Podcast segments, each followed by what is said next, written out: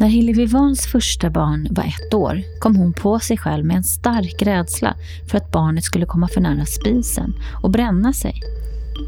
Plötsligt gick det upp för henne hur hennes egen mamma en gång tagit tag i hennes barns händer och bränt sönder dem på plattorna. Hon som i hela sitt liv försökt springa ifrån sin uppväxt med sina två missbrukande föräldrar insåg då att historien kommit ikapp henne.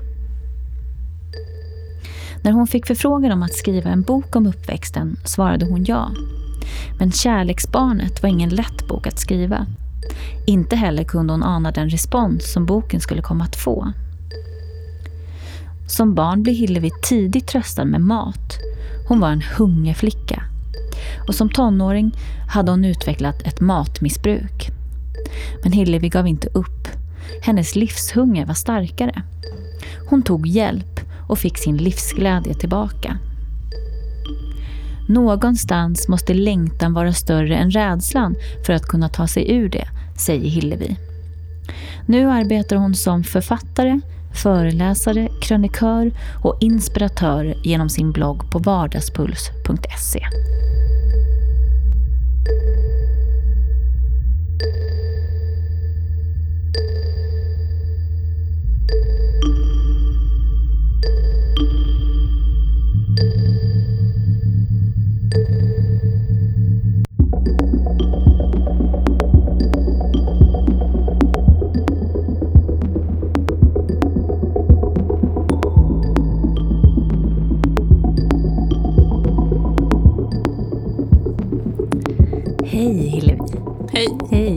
Jag tänkte börja med en liten fråga. Hur skulle du beskriva dig själv som barn?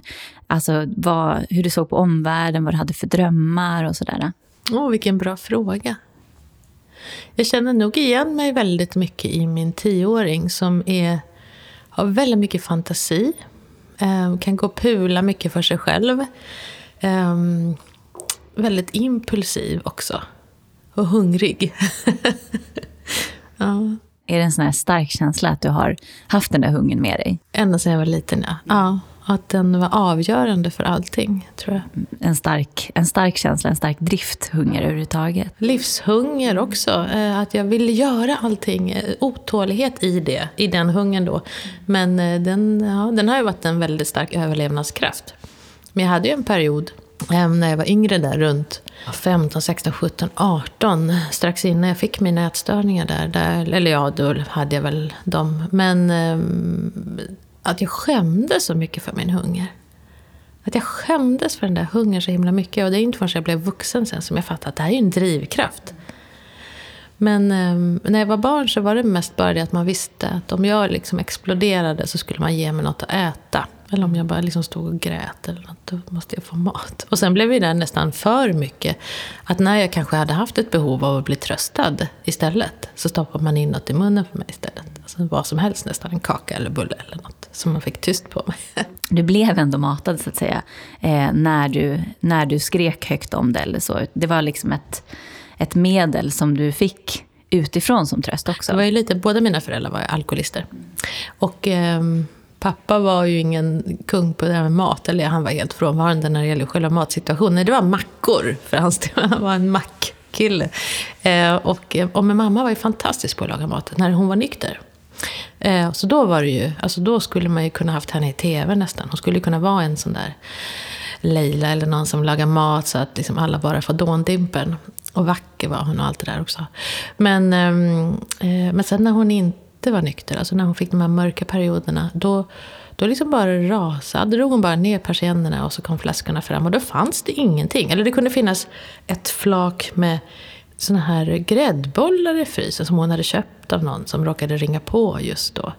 Så, att, så då fick man äta det som fanns. Liksom. Jag känner igen det där väldigt mycket, just det här mackor. För det fungerar väldigt bra och det är någonting man själv som barn också kan, kan göra i ordning. Och det, ändå, det fyller ändå det tomrummet och oftast, som barn tycker man oftast att det är ganska gott också. Men skillnaden då, när det står en fin lagad middag där, är ju väldigt stark kontrast. Jag tänker på de undersökningarna som säger att om man äter middag med sin familj så får, eh, är risken för ätstörningar i familjen mycket mindre. Men då tänker jag, ja, men varför äter man inte middag från första början i familjen? Det kanske är just för att det finns missbruk eller psykisk ohälsa eller någonting. Och då kanske det inte är själva matsituationen i sig. Utan just det här att det som ligger bakom, att man faktiskt inte äter middag tillsammans som gör att man sen utvecklar ätstörningar till exempel. Eller någon form av självskadebeteende.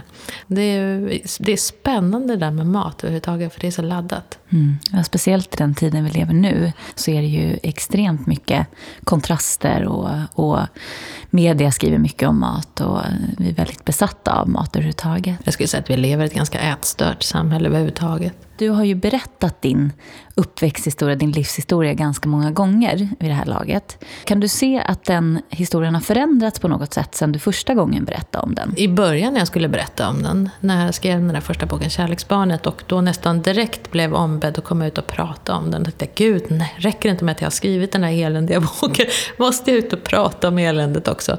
Och då var det väldigt laddat för mig. Så då stod jag där som någon nästan slags offer. Eller det, alltså jag mådde väldigt, det var liksom som att gräva i något öppet sår. Så jag tror inte jag mådde bra av det. Och de som lyssnar mådde säkert inte bra av det heller. Och tänkte, gud, ska man verkligen hålla på med det där? Men sen allt eftersom jag har berättat om det i olika intervjuer och fått liksom intressanta frågor på massa olika aspekter och så och lärt mig mycket själv eh, så tror jag att jag pratar om det på ett helt annat sätt. Eh, som, för nu säger jag att jag är stolt över den erfarenheten jag har. Speciellt nu när jag är ute och pratar med ungdomar. För de kommer ju till de som vet hur det är. Eh, det är ju inte så att de kommer till någon som råkar ha någon utbildning i det. Eller eh, har fått några poäng på högskolan. Eller har öppet mellan 14 och 15 jämna veckor. Liksom, dit går ju inte folk. Utan de kommer till dem som vet hur det är. Och därför vill ju jag att för idag vet ju jag, när jag varit och pratat så mycket, att ja, nästan alla har någonting. Jag skulle till och med sträcka mig så långt så att alla har något eh, någon skit, brukar jag säga. Så att om alla bara gick omkring med sina liv i genomskinliga plastpåsar så skulle ingen vilja byta. Och speciellt de som man inte tror. Och då tänker jag så här, att, att om vi bara säger det. Man behöver inte gå in på detaljer, utan man bara säger, ah, men jag vet hur det är. Alltså då sjunker ju axlarna på den man pratar med. Då är det tillåtet att ha dåliga dagar. Då behöver man inte prestera hela tiden. Och, och, så just bara den, alltså vi äger ju den här kunskapen. När det kommer ny forskning så kan jag jämföra det med vad jag vet, vilken kunskap jag äger. Och då kan jag liksom förhålla mig till den forskningen på ett liksom expertplan. För jag vet exakt. Liksom. Nej, men den där undersökningen har ni gjort fel för att. Liksom. Eller det där har ni ställt fel frågor. Eller där har ni inte fått med hela komplexiteten. Så att ehm, nej, men, alltså, vi är experter. Sen har ju vi, alla vi som har någon form av medberoende eller har vuxit upp med föräldrar som inte mår så, då, så bra, av olika anledningar. Um, vi har naturligtvis helt olika historier. I samma familj. Alltså två syskon kan ju ha helt olika upplevelser av, av hur det egentligen var. Så, att, eh, så, så, där är vi olika. Men vi, är, vi äger den eh, erfarenheten och vi har kommit olika långt. Men, eh, men att vara stolt över det. Och speciellt om man jobbar med barn eller ungdomar eller äldre. Det är också ett sånt område där vi tror att äldre människor inte är medberoende eller mår dåligt. Det är klart. För det här bär man ju med sig hela livet. Man blir ju inte mindre missbruksbarn för att man är 20, 30, 40, 50 eller 70 år. Och det var ju det som var så häftigt också där med Djävulsdansen, tv-dokumentärserien. För det var en miljon människor som såg det här första avsnittet. Alltså en miljon. Det händer ju nästan inte längre i svensk tv att folk sitter och tittar på samma program samtidigt. Och det är ju ändå ett ganska tungt ämne. Så där var ju gensvaret enormt. Och då öppnade man upp den här diskussionen. För det var, alltså efter det programmet så hade man en sån här chatt med programledarna. Och en bra, alltså vi som jobbat med det här ett tag, en bra dag kan man få kanske 10 20 frågor, max. Men efter det här första programmet så kom det över tusen frågor. Alltså det bara brakade ihop. De har aldrig varit med om något liknande. Och då förstår man också hur stort behovet av är att prata om det här. På ett, ja, på ett enkelt sätt. Alltså både med humor och värme och... Um, att det är hur vanligt det är. Det är ju eh, precis det där som du säger. Och om man räknar statistiskt sett så är det ju en väldigt stor del av Sveriges befolkning som, som har någon form av medberoende anhörigskap till någon. Vare sig det är... Alltså, det är ju enorma mängder bara om man tittar på eh, alkoholmissbruk eh, eller så. Men också om man lägger till då psykisk ohälsa och eh, narcissism och allt som kan finnas däremellan så är det ju extremt många som lider av det här. Och det är ju därför det är så märkligt att det är så många som går runt och tror att de är ensamma. Och det, jag hade Olivia Trygg här från Trygga Barnen. Och hon pratade om det också, att hon fick ju nog där och ställde sig upp eh, i, sitt, sitt, i sin klass och berättade om sin situation. Och då var det liksom vänner hon umgås med jättelänge. Hon pratade om att det var nästan var tredje person som hade liknande erfarenheter. Och alla har gått runt och varit tysta och känt skam och trott att de är den enda som, som har det så här. Och det är så märkligt att det fortfarande är på det här sättet. För det måste det ju vara om det, det blir responsen. Och det där är jag förvånad över fortfarande. Alltså, eh, för jag har exakt samma upplevelse. Fast jag var ju liksom, vad blir det, 30 år senare. Jag, var, jag vet inte hur gammal Olivia var när hon berättade det i sin klass. Var hon ung då? Det eller? var i högstadiet. Ja, på högstadiet. Gud vad bra gjort. Ehm, jag var mycket äldre. Jag skulle på en klassåterträff. Jag var väl runt 40 och var helt fruktansvärt nervös. För att jag hade precis kommit ut med kärleksbarnet och hade berättat hur det egentligen såg ut hemma hos oss. Bakom den där fina fasaden. Ehm, mamma var ju chefsekreterare och pappa var en aktad journalist och så. Vi bodde i ett ganska fint område så, i Malmö. Och nu var jag bjuden på sån här klassåterträff. Och jag tänkte, gud, tänk om, nu kommer de att se ner på mig. Nu kommer, alltså de kommer, jag vet inte ens om man får skriva en sån här bok och berätta om sina föräldrar och vad tycker de? Och du vet, det är ju, det är ju ändå en arbetarstad och man ska, du vet, man ska inte, ja, man ska inte förhäva sig och sådär. Ja. Men jag åkte ändå ner och gick på darrande ben in där på klassåterträffen. Och alltså jag hann knappt in, jag tror det var så vid första fikabordet där man skulle liksom börja känna på varandra igen efter alla år. Så låg min bok där nästan som, alltså både bokstavligt och bildligt talat, som en så talking piece. Och då säger mina klasskamrater, som jag gick i nio år med i samma skola, så säger de Ja, men sådär hade vi det också. sådär hade de det också.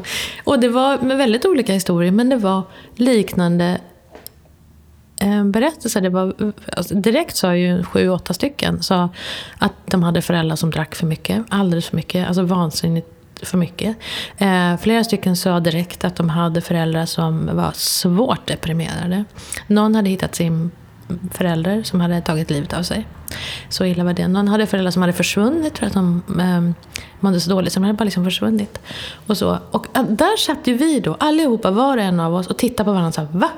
Hade du det så? Och nästa, hade, alltså ingen av oss hade vetat om den andra. Och då satt vi där som, du vet, vuxna människor nu, så här halvt medelålders, och sa att Men tänk om vi hade vetat det då. Vad skönt det hade varit. Då hade liksom axlarna åkt ner och så hade man kunnat känna, ja, jaha, du också, men då kanske vi kan vara som mig idag, för det är lugnt. Eller vi kan vara hos dig, eller vi kan göra det där. Alltså bara slippa vara så himla ensam. Och vi har ju fortsatt träffas, för att de har ju blivit som min familj, min klass. För jag har ju, alla andra är döda, så det finns liksom ingen som vet hur jag var när jag var liten, utom dem. Så de har mitt, hela mitt referensbibliotek på hur jag var när jag var liten. Eh, och vi är jätte, jätte olika. Alltså det finns alla sorters där, precis. Men vi har väldigt roligt ihop och vi pratar mycket. Och för varje gång vi träffas så är det någon ny som berättar om svår eh, misshandel, hustrumisshandel. Eller, alltså, det är alltid någon till. Så nu är vi uppe i halva klassen. Men vad, det här skedde alltså efter att eh, ni hade den här återträffen? Mm. För ni hade inte haft den här kontinuerliga kontakten Nej, innan det? inte va? alls. Ja, det är en tjej, Sally, Rally-Sally brukar jag kalla henne för. Hon som är sammanhållande, hon har haft lite så här koll på alla. Eh, och hon har väl delvis tror jag vet att, ja, möjligtvis någonting, men inte att det var i den utsträckningen. Och eftersom jag är sån här ambassadör för Hjärnkoll, eh, som vill att vi ska prata mer om det här med psykisk ohälsa, så vet ju jag genom deras undersökningar att en av fyra säger ju själva att de har någon form av erfarenhet av någon form av psykisk ohälsa. Tre av fyra säger att de har egen erfarenhet eller någon i sin omedelbara närhet. Och man pratar ju också om vart femte barn som har föräldrar som dricker alldeles för mycket. Och då tänker jag, då kan man bara räkna det. En av fyra, eller tre av fyra, eller en av fem. Det blir ju nästan inga kvar. Och i djävulsdansen så säger de ju också där experterna att vi, alltså det är ju en miljon människor idag som lever med någon form av beroendeproblematik. Och ibland är det ju, precis som du pratar om här, alltså, ibland är det ju de som är medberoende mår ju nästan sämre. Så att eh, jag tror att vi, vi får ju fundera på vad, vad är det som är normalt och vad som är onormalt. Liksom. Det kanske är så här det är att leva. Och då måste vi kunna snacka om det. Precis så. Och eh, det är ju... Det blir ju så. Jag tror att det är konstigt att det har kunnat pågått så länge. Eh, just den här eh, tystnaden kring just anhöriga och hur de mår. I och med att ofta så är det ju så oavsett vad som händer med den föräldern eller anhörig som, som är beroende eller som lider av psykisk ohälsa. Precis som du säger, vissa går bort, eh, kanske självmord, vissa försvinner, vissa blir nyktra till och med. Men alla de här som står bredvid har ju liksom inte bearbetat sitt kring det här. Och precis som du säger, ofta lider ännu mer. Och det är ju även bevisat att väldigt stor del av de här begår exempelvis självmord och eh, lider av depression och stress etc.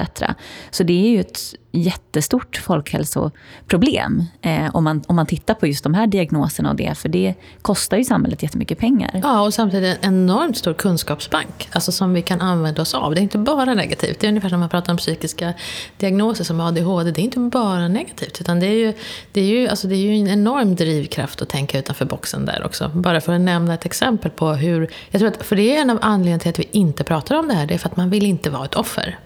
Utan vi måste förstå att det här är en enorm kunskapsbank och, och, alltså vi, och, och resurs vi har här bland alla oss som har den här erfarenheten. Så vi måste sluta skämmas själva.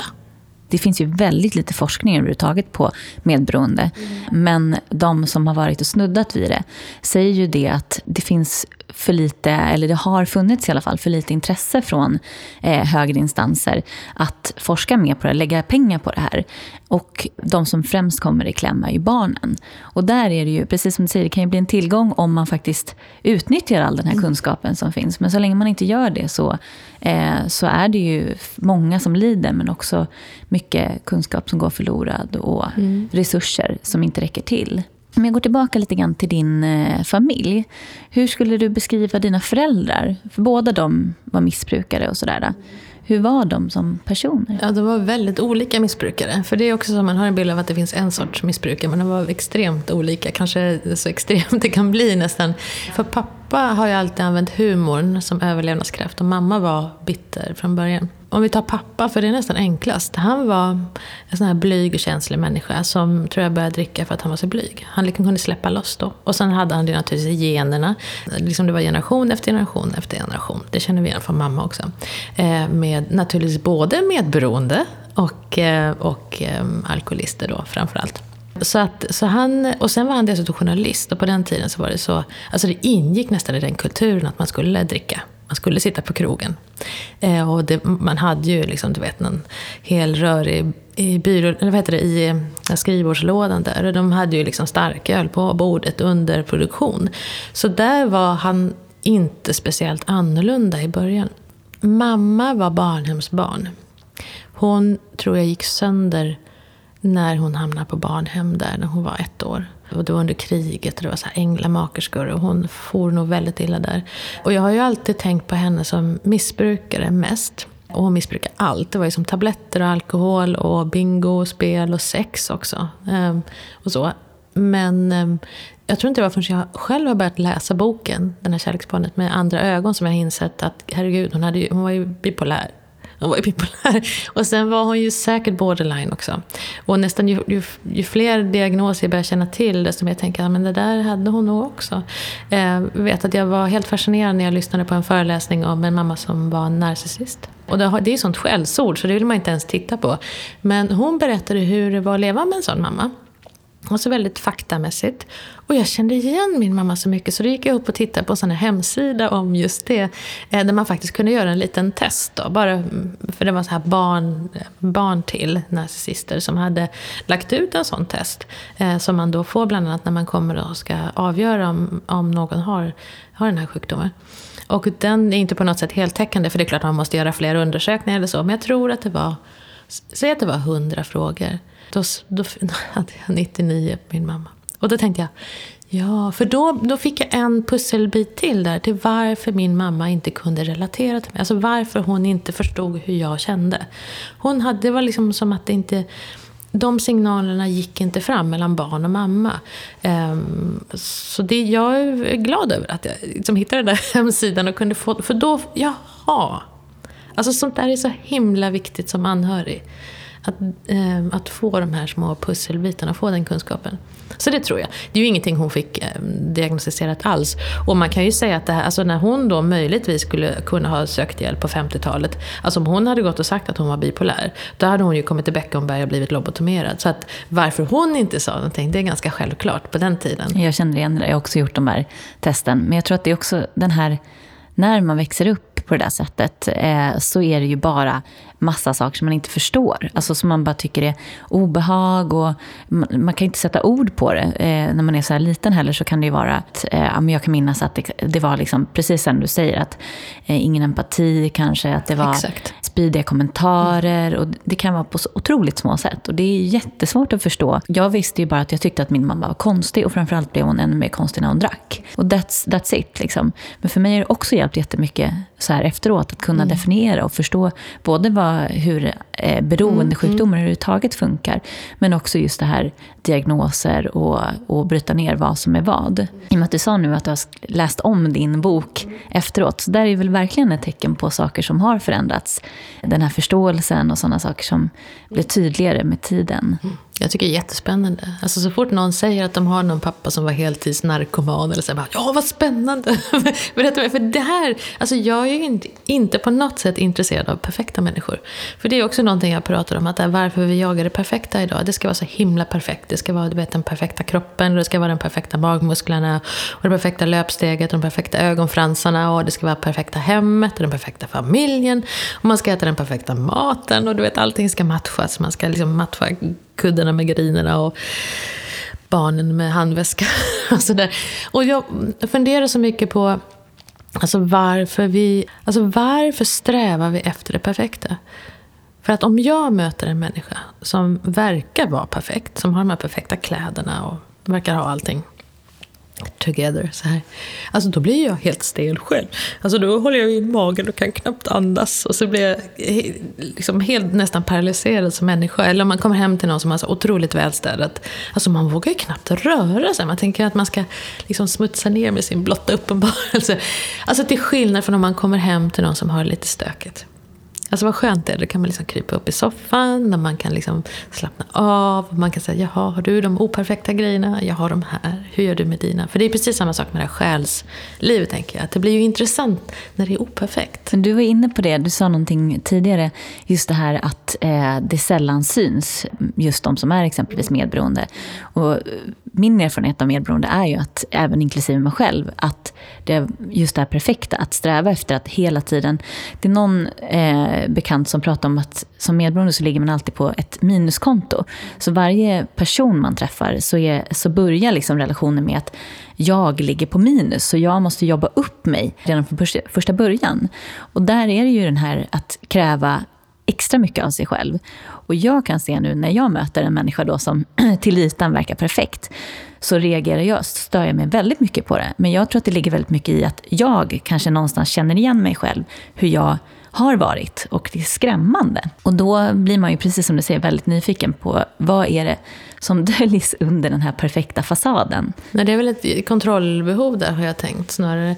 Men det är ju intressant det där också, för någonting som jag kan märka på, på vanlig städning då, om vi tar det bara som, det är ju att jag vet inte riktigt vad som är normalt. Alltså om, och då, som du säger, det här med att man ligger lite på minus, man vet inte riktigt vad som är... Eh, alltså hur uppfattas det här utifrån? Det är som att man inte riktigt känner... Ibland har man liksom känt så, inte minst när man var liten, men även som vuxen, att jag fattar inte riktigt hur allting... Alltså hur, hur andra gör eller hur de tänker funkar eller hur det här sociala samspelet fungerar. Och jag lite som en nästan utomjording ibland som kommer dit och så bara tänker man att okej, okay, jag härmar hur alla andra gör, inte för att jag vet, men okej, okay, jag härmar dem och så, så härmar jag. Och, så, att man, eh, så då när det ska komma hem folk och föräldrar och sådär, så tänker man man städar inte bara sådär som man brukar, utan plötsligt tänker man oj, Tänk om jag har missat någonting som de kommer tycka är jättekonstigt. Att jag inte har städat just där eller bäddat den grejen eller lagat den maten. Eller, och det kan jag känna fortfarande, fast jag liksom har hunnit bli 50 år. Att jag, nej, men jag får liksom härma andra ibland, eh, känns det som. Nu, det blir ju bättre och bättre ju äldre man blir, att man struntar i det där. Att man faktiskt kan tycka att jag kan köra min grej. Men, men speciellt när man träffar nya människor så är det där att man är lite nervös för att, för att man inte har gjort som man ska. Det sitter ju djupt det där, vad ska andra tycka? Alltså det är ju, I och med att det alltid har varit en person som har tyckt mycket kring en. Oftast den som har varit beroende eller den som man har varit medberoende från första början till. Då. Eh, just det där att hela tiden förhålla sig till någon. Och det sitter jättedjupt, jag känner igen det där jättemycket. Att det är lätt och att det kan vara olika vem man förhåller sig till. Och så försöker man då anpassa sig efter, som du säger, lite vad är normalt för den här. Eller, jag har ju haft jättesvårt för spontana besök. Det har ju varit hemskt, för jag har ju också precis det där velat bara städa så att, så att jag verkar normal, så att vi verkar normala. För så ser det ju ut hos andra. Men nu kan jag ju känna jättestor skillnad. Alltså, det är en sak att man vill hålla efter för att det känns trivsamt och att man tar hand om, om sig själv liksom, och, och sin, sina saker. Det är också så här, bara slit och släng annars känns ju inte heller så hälsosamt faktiskt. Men däremot just det här att någon kan knacka på och jag kan känna att ja men kom in, så här, nu har vi lite disk framme. Liksom. Och det, jag kan ju själv sätta ord på det. Ofta så bryr inte de här personerna sig om det för fem öre. Men bara att våga åtminstone säga det så, så blir det på något sätt, ja men då vet den här personen det och så får jag släppa det. Jag kan inte göra så mycket åt det nu. Men nu kan jag tycka att det är lite kul research. Alltså jag säger det högt bara. Och då märker man att då är många som nappar på det. Jag tycker att det är jättespännande att prata om. Och många känner igen sig precis som du säger. Eh, ja, det är, det är spännande. Men det, det var ju en sån här grej till exempel med min första barn. När jag var 37 så fick jag inte riktigt honom att sova på nätterna. Och jag blev ju helt slut, du vet. Som man blir när man precis har fått barn och, och, och inte får sova. Och jag blev lite rädd att jag skulle bli galen. Så då började vi faktiskt, så någon gång när jag skulle på en sån BVC-grej där så, så bröt jag ihop. Och så sa min underbara BVC-sköterska, jag har ju haft den här förmågan också att kunna hitta änglarna överallt. Och hon var en sån här riktig ängel, BVC-sköterskan. Så hon sa att, eh, men vill du gå och prata med någon? Och tänkte ja, det måste jag göra. Eh, och då gick vi dit då, jag och min man. Och eh, för det skulle man göra. Jag tänkte, varför ska han med? Men det skulle man i alla fall. Eh, och då, var den första, då tänkte jag att det här handlar om min barndom. Du vet sådär, det här, nu är det något bajsingen. Men då tittade hon bara på mig och sa, får du sova något då? Nej, så, ja, men då tar vi tur med det först. Och då lärde hon mig hur barn funkar. Hur otroligt viktigt det är för barn med rutiner. En sån enkel grej som jag inte hade fattat. Jag hade ju aldrig haft några rutiner. Så att då när hon lärde mig det här, hur viktigt det är med rutiner, speciellt före läggdags, att man gör samma saker, sjunger samma visor, gör, sitter i samma fåtölj, luktar likadant. Sen sover ju han som en gud liksom. Och då blev jag en sån här jättebra mamma. Men jag tänker hur, alltså skräcken där när jag tänkte, åh, jag håller på att bli min egen mamma. Liksom för att, eh, och sen handlar det egentligen bara om att jag inte visste hur, vad barn behöver. Rutiner till exempel. Ja, det är ju inte så konstigt, precis som du säger. Det är ju jättemycket. Och det är ganska vanligt tror jag också att många, många föräldrar ofta tänker att jag ska inte göra så som mina föräldrar gjorde. Att det finns någon man kan spegla sig på ett sunt sätt i vad, vad som är. Och att så här, precis som du säger, det är inte så konstigt att du inte orkar göra sig och så om du inte får sova. Det är ju så grundläggande att äta. Alltså... Ja men exakt, man kan tycka att det är så självklart nu. Och nu är jag säkert en av de bästa föräldrar jag vet. Alltså på riktigt menar jag det. Och, och, och det är ju säkert tack vare den erfarenheten jag har också. Men jag har ju varit smart där. Alltså jag har en sån här riktigt, riktigt, riktigt bra grej som jag har gjort hela tiden. Och det är faktiskt att be om hjälp. Och sen har den, det jag har bett om har kanske inte varit på djupet alla gånger, att liksom gå till botten. Men jag har alltid haft den här förmågan att be om hjälp. Och det har varit livsavgörande. För det märker man ju, alltså de barnen som klarar sig, de har ju den förmågan att be om hjälp. Eh, och tack och lov, så, på den tiden, när jag, på 70-talet där i skolan, så fanns det ju skolkuratorer, det fanns skolpsykologer, det fanns du vet, skolsystrar som var där. Eh, det var ju till och med en skolvärdinna som man kunde liksom sitta och hänga hos. Och jag kunde ju gå ner till dem och snacka bara för att eh, liksom, slippa någon lektion eller så. Eh, och det var ju inte så att jag berättade på något sätt allt för dem. Utan jag kunde bara berätta att jag hade lite ont i magen eller sådär. Men jag har liksom alltid haft en förmåga att kunna gå och snacka lite. Och det tror jag har hjälpt mig massor. Jag har inte varit rädd för det. Det är inga konstiga, farliga människor. Utan de är rätt schyssta. På tal om det här normalt. Vad trodde du var normalt? Alltså hur såg en normal familj ut för dig när du var liten? Och framför allt så minns jag en sak som är så slående. Det var en sommar. Så hyrde vi landställe eh, på landet. En av de grejerna som min mamma och pappa har gjort bra. För jag har haft enorm hjälp av landet, eller naturen. Eh, men då hyrde vi och då bodde det en annan familj där som ägde gården. Och eh, jag minns hur Åh, jag minns hur hon, den här tjejen då, som var lika gammal som jag, hur hon fick sitta i sin mammas famn och sitta i hennes knä. Och jag kunde liksom bara stå och titta på det där. Liksom. Wow, och få sitta. För jag, min mamma ville inte krama mig. Hon tyckte att det var äckligt. Hon var ingenting för fysisk beröring överhuvudtaget. Men bara det där liksom, att bli kramad och om, få sitta i sin mammas knä. Liksom, det, var så här, det är en sån sak som jag tänker var så önskar jag att det var. En, en mm. sorg, men också på något sätt var det det som jag faktiskt kunde se var normalt. Det blir ju ofta en drivkraft ofta, ofta också att kunna se eh, att så där går det mm. att ha.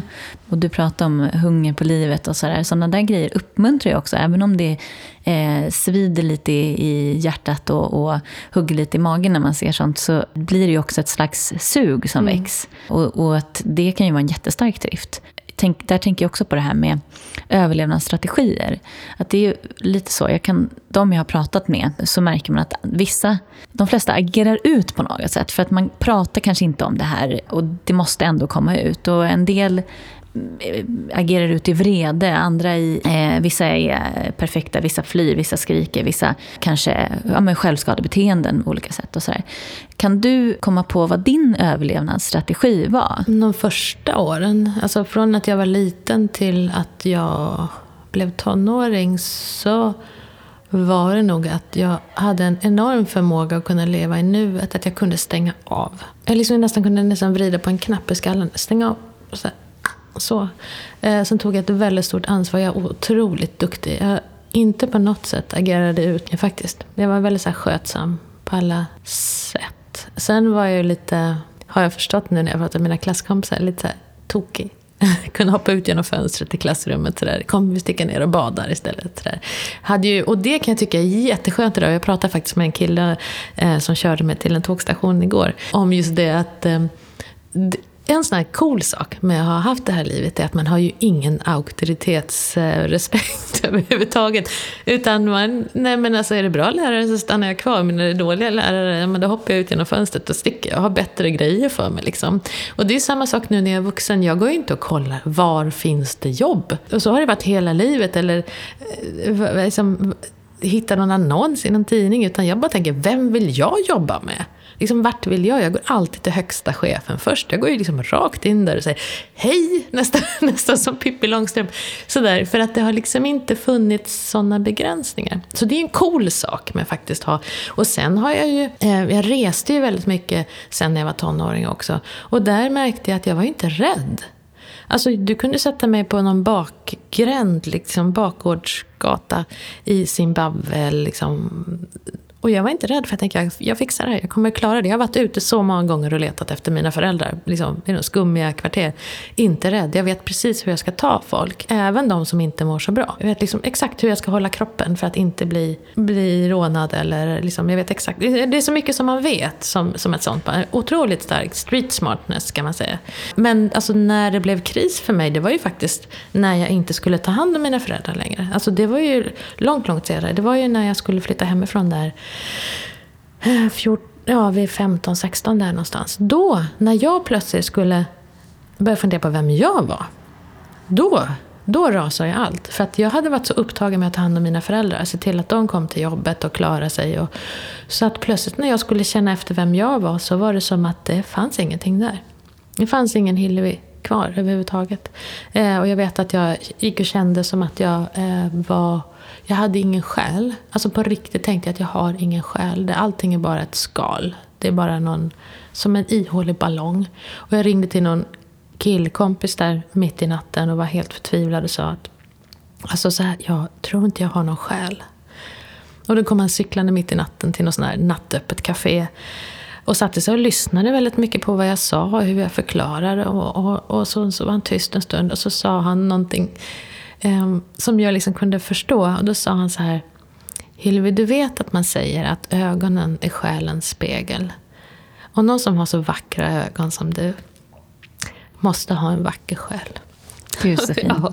Och det är ju så banalt egentligen. Mm. Men det var någonting som jag kunde förstå. Jag kunde bottna i det. Och på det kunde jag sedan bygga, vem är jag? Liksom tegelsten för tegelsten, bit för bit. Liksom, är det här jag? Eller är det en livslögn liksom, från mina föräldrar? Eller någonting som de har sagt? Eller det, vill jag behålla det här? Vill jag liksom... Så det, sen, liksom det uttalandet så har jag liksom kunnat bygga vem jag är som människa. Men det där var ju tunga år där när jag skulle försöka liksom fylla det där hålet. Så jag, den kommentaren där får jag så här bild av att det kanske inte fysiskt, men psykiskt åtminstone, blev den här bilden av den här personen som höll om. För mig blev det liksom en så här, ja men att det är så otrolig kärlek att säga det och eh, att få den då när du känner dig så vilsen. Så är det ju som en omfamnande kram, alltså fantastiskt vackert och vilken ängel också som, som kunde säga det här till dig. Och samtidigt, han var ju en väldigt trasig kille själv. Och, eh, och jag, just det var den här tiden under BUP där, när jag var på inlagd på BUP, barn och ungdomspsyk. Då, där mötte jag ju väldigt många trasiga barn och ungdomar. Som helt hade tappat tron på hela vuxenvärlden. Och, och där någonstans tror jag också den resan började. Att jag insåg att det finns så många som har levt liksom ett sånt där liv för det, det kan jag fortfarande tänka ibland idag när jag läser tidningen eller liksom går runt på stan där folk verkar inte fatta att det, den här världen som vi ser här, alltså det finns minst tre andra parallella världar som ni inte låtsas om eller ens vet om med de här barnen som är utsatta. Och, ehm, eh, och de barnen var eh, definitivt från de parallella världarna som ingen verkar liksom se. Eh, nu tack och lov så börjar det komma filmer. Jag tänker på Bron till exempel. Vad är ju en sån där man plötsligt ser de här som lever, man brukar säga om den undre världen, men jag tycker att alltså, det här är ju jag vet inte om det är under, det är bara det att vi vill liksom inte se de här, hur, den här ångestfyllda världen som många barn lever i. Det, när det börjar bli lite mer kommersiellt, att det syns lite mer i öppna, att det inte bara är liksom alternativa, svåra filmer, utan de har ju till och med pratat om det i samband med Guldvaggegalan i år, att, att det, var, det är en trend med otroligt mycket filmer som tar upp mm. psykisk ohälsa. Det har varit om eh, anorexi, det har varit om utsatta, eh, rasism, ja, på jättemånga hemlösa otroligt många sådana filmer där det tas upp i det i kommersiella offentliga rummet. Och det är... Jag tycker det är bra, jättebra. För att då ser man också, det är ungefär som man pratar om det här med homosexualitet till exempel. Att när man inte fick se en kille och kille hålla handen, när man inte ens fick se två tjejer som var kära, då tror man att det är bara jag. Alltså för det verkar så här, alla andra är kille-tjej, kille-tjej, kille-tjej. Och det är samma sak med det här. Det är, alla andra verkar ha den här levnadsstilen. Men, men jag tycker de gör det bra. Jag är ju jätte jätteimponerad av till exempel bron. Eller, eh, för de har ju liksom hittat exakt rätt gator som man går på när man mår dåligt i Malmö till exempel. Bara en sån sak tyckte jag, wow! Det här är väl riktigt bra research. De måste ha någon som vet hur det är att må dåligt i Malmö till och med. De var till och med inne i en av mina lägenheter där, som jag hade bott i. Ja, så det var så här, wow, de har verkligen koll. Det är intressant. Jag har ju inte någon jättestor relation till Malmö, förutom att jag varit där på jobb och sådär. Men det där är ju verkligen en extra krydda till mm. den serien som det ska jag tänka på nästa gång jag tittar. Men jag tänker så här, fanns det någon, när du var liten, du pratade ju om att du, när du har pratat så har det liksom blivit växt eh, väldigt mycket hopp och du når fram till folk och det är väldigt starkt uppmuntrande känslor. Men jag tänker när du var liten, kunde du prata med någon om det här? Jag läste jag tänker på det när jag läste Kärleksbarnet, din bok om, om din uppväxt. Det känns som att det fanns folk som på något sätt pratade om hur synd det var om dig. Och stackars den här flickan som eh, i samband med exempelvis att eh, din mamma försökte ta sitt liv och så. Mm. Men jag tänker, var det någon som pratade med dig? Nej, utan det var snarare tvärtom, att man tog avstånd då. Alltså det där, och jag kan som förälder själv idag förstå den känslan, den instinktiva känslan att det är något som inte stämmer där borta, då backar vi bort från det. Alltså vi vill inte smittas av det där som inte verkar så bra. Och, så, så det är en helt mänsklig känsla att känna så. Men jag kan ju tänka idag, alla de släktingar, alla de eh, grannar, eller så, alla de som sa någonting och visste inte allt naturligtvis, men som såg att det inte stämde, som backade bort. Att tänk om de hade klivit fram istället. De behövde inte göra något åt själva situationen, men bara liksom ställa nästan som en ring runt mig. Bara som, sådär som elefanter gör när de ska mm. skydda sina barn. Både steppen där liksom för, eh, savannen för, för liksom lejon och så. Då ställer sig alla vuxna elefanter i en ring runt den här elefantungen. Och lite så, om bara vuxna hade kunnat göra det Um, så hade det, men det var så att alla tog avstånd från mamma liksom, och därmed också från mig. Uh, för de tyckte att hon, nej, men det var för jäkligt när det inte fanns några julklappar utan bara flaskor på borden. Nej, men då ville de aldrig mer träffa henne. Och då inte mig heller. Då förlorade jag det nätverket. Sen var det ju då, vi flyttade ju så mycket. Det händer ju ofta i sådana här familjer att man flyttar mycket.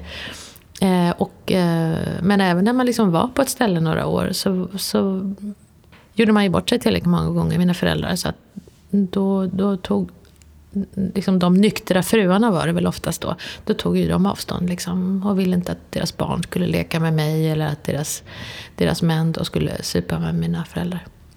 Så att det liksom, det, alla backade hem. Och sen var det de på förskolan visste ju nästan ingenting.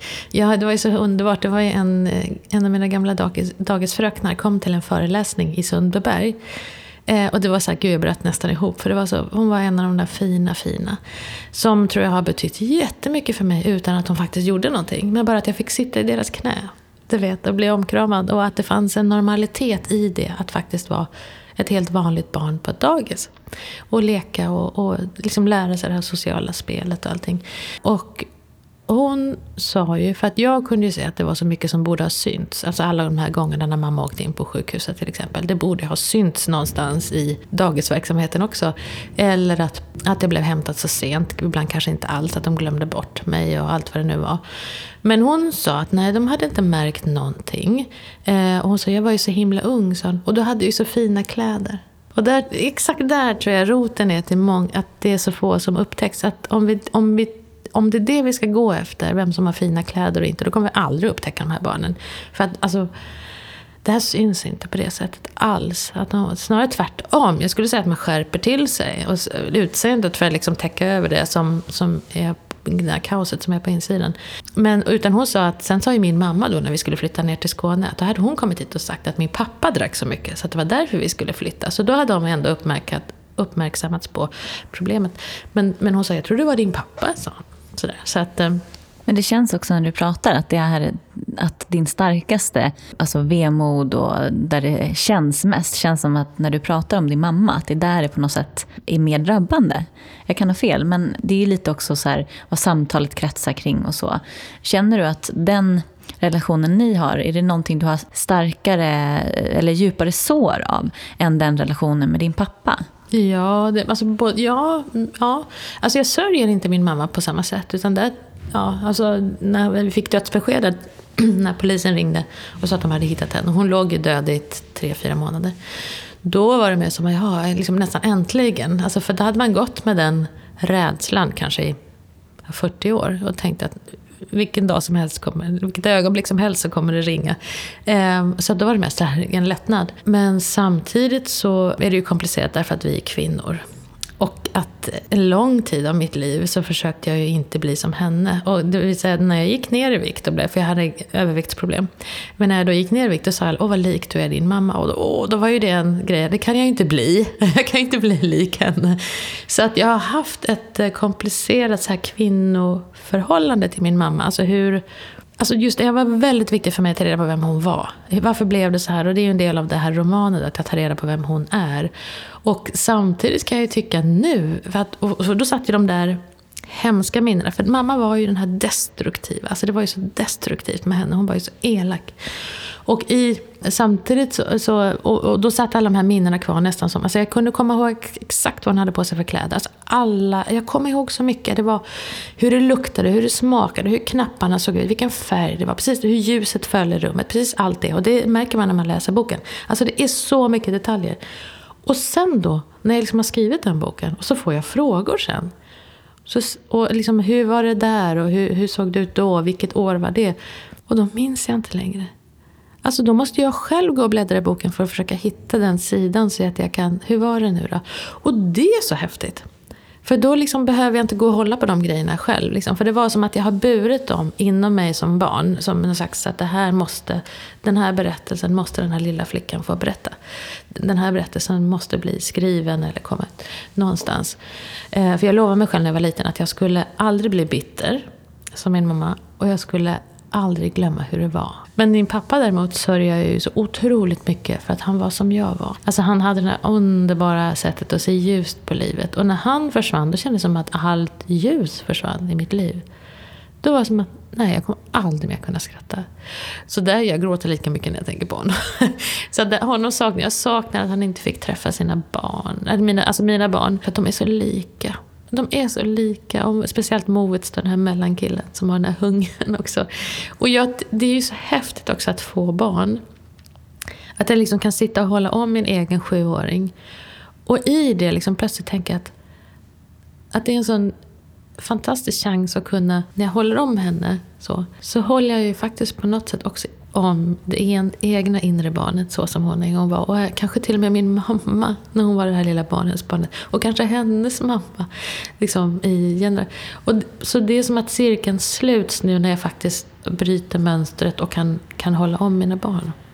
Och det är jättehäftigt. För det är ju så, man ser ju verkligen, man, alltså man ser ju hur mycket vi ärver. Jättemycket utrymme för att göra egna val också. Men just det där hur, hur fascinerande. Jag hittade ett kort på min min mormor, som ju dog när hon var 19 år i en sån illegal abort. Det var därför min mamma hamnade på barnhem. Eh, när, och då när min, det var ett kort med min mormor när hon var fosterbarn. Eh, därför att hennes pappa drack för mycket. Surprise. Och söp bort alla pengarna. Och då är det tre flickor på det här fosterhemmet, barnhemmet då, som, som står och är ganska kaxiga. Utom tjejen i mitten som ser lite blyg ut och har page och står med sån här, du vet, gammaldags förkläde och allting. Och det var något otroligt att hitta det kortet igen nu. För att hon är en exakt kopia av min dotter. Alltså det är bara att byta ut kläderna. Sättet hon står på, tittar lite under lugg, det här liksom, frisyren, allting. De är så otroligt lika och de har aldrig träffats. De har liksom aldrig, liksom, det är generationer från varandra som inte har träffats. Och ändå så finns det där. Så att, um, um, ja, man är ju verkligen man är ju inte bara sig själv, utan man är ju verkligen allting som har varit före en själv också. Och så är det, jag menar, även om man tittar, eh, alltså rasen människa på något sätt, vi har ju också extremt mycket, jag tänker just på de här överlevnadsinstinkterna och sånt. Det sitter ju liksom sen, ja, när människan först blev till, mm. efter att vi gick ifrån apstadiet. Och där, då förstår man ju verkligen hur djupt det sitter. Sen har ju vi utvecklat andra delar och vi behöver inte använda, förhoppningsvis, de här överlevnadsmekanismerna på samma sätt. Men de finns ju där mm. och, och har egentligen precis samma förmågor. Liksom, allt ifrån att eh, fly, eh, fäkta, mm. de här. Eh, eller eh, känna skam eller vad det kan vara. Och det, är ju, det sitter ju jättedjupt i oss. Mm. Så att det skulle komma från några generationer tillbaka, det känns ju eh, väldigt sådär, det, så måste det ju vara. Mm. Men det, det jag tänker på, som jag förstår det så var din du har en jättefin, alltså när du pratar om din pappa nu så märker man hur starkt ditt hjärta slår för, för honom. Men som jag förstår så var han ganska frånvarande ändå under din uppväxt. Ja, alltså både ja och nej. Alltså på den tiden tror jag han var närvarande mer än de flesta. Men det var ju en tid när pappa skulle jobba jättemycket och mammorna skulle stanna hemma. Eh, men jag vet att jag har sett någon sån här klipp från Aftonbladet, du vet så här fem frågor, så var jag med där. De hade intervjuat mig lite så här kort om, nu pratar man om att papporna ska vara hemma med barnen. Vad tycker du om det? Och då vill, vem, ska du, vem tycker du ska vara hemma? Mamma eller pappa? Och då sa jag pappa, för han leker mycket bättre. Mm. Så att jag, eh, jag var ju helt med på den banan där. Jämställdhet. Ehm, men det handlar ju också om naturligtvis att, att vi hade något väldigt mm. speciellt förhållande. Pappa kom ju hem ganska tidigt på dagarna från jobbet då. För mm. han jobbar oftast morgnar, väldigt tidiga morgnar. Och sen gick han och sig och sov. Eh, och sen så var det ju kväll och så kunde det drickas och sådär. Men eh, alltså när han var närvarande, när han var på plats så var han ju väldigt närvarande tycker jag. Och han, just det här att han hade ett speciellt unik förmåga att se på livet och se igenom människor och liksom direkt kolla vad är det för någon sorts. Den, Eh, han ritar ju av folk också. Då kunde man också se i teckningarna att gud, han, har ju, han, har bara, sån, han var så smart, min pappa. Så det är ju, det är ju sorgligt att han, att han drack bort mycket av sin talang. Men, eh, men sen kan man ju säga det som jag kunde bli förbannad på sen när jag själv fick barn, det var att han inte klev fram. Då när min mamma så uppenbart liksom trillade igenom. Då tycker jag att då hade, borde han ju ha kunnat liksom kliva fram där. Men det är också lätt att säga när man inte levde på 70-talet. För att det, det fanns inte den Det sitter, ju, normen. Ja. det sitter ju djupt också. Jag vet, det är tankar jag själv har haft, men också sådär när man pratar med, med folk, eh, oavsett faktiskt om det är söner eller döttrar, så känns det som att den, mamman är på något sätt, relationen till mamman är sårigare. Och det upplever jag, även om det kan ha varit en, en pappa som drack, så känns det som att väldigt många har kanske till och med mer problem med en väldigt medberoende mamma. Och att det är en svår avvägning där tycker jag, om det är för att vi har så höga förväntningar på, eller har haft, och det sitter kvar, så höga förväntningar på vad en mamma ska vara och ta hand om barn och sådär. Och kanske lite mindre sådana förväntningar på, på en pappa. Eller om det är någon speciell eh, relation till mamman i och med att mamman bär barnet etc. Om det är det som gör att, det, att den här mammarelationen är så viktig. Jag tycker det är väldigt intressant. Jag har inget eget svar på det. Vad, har du något Ja, tankar? jag har tänkt ganska mycket på det. Jag tänkte nog först, som de flesta, att det är mamman som allt hänger på.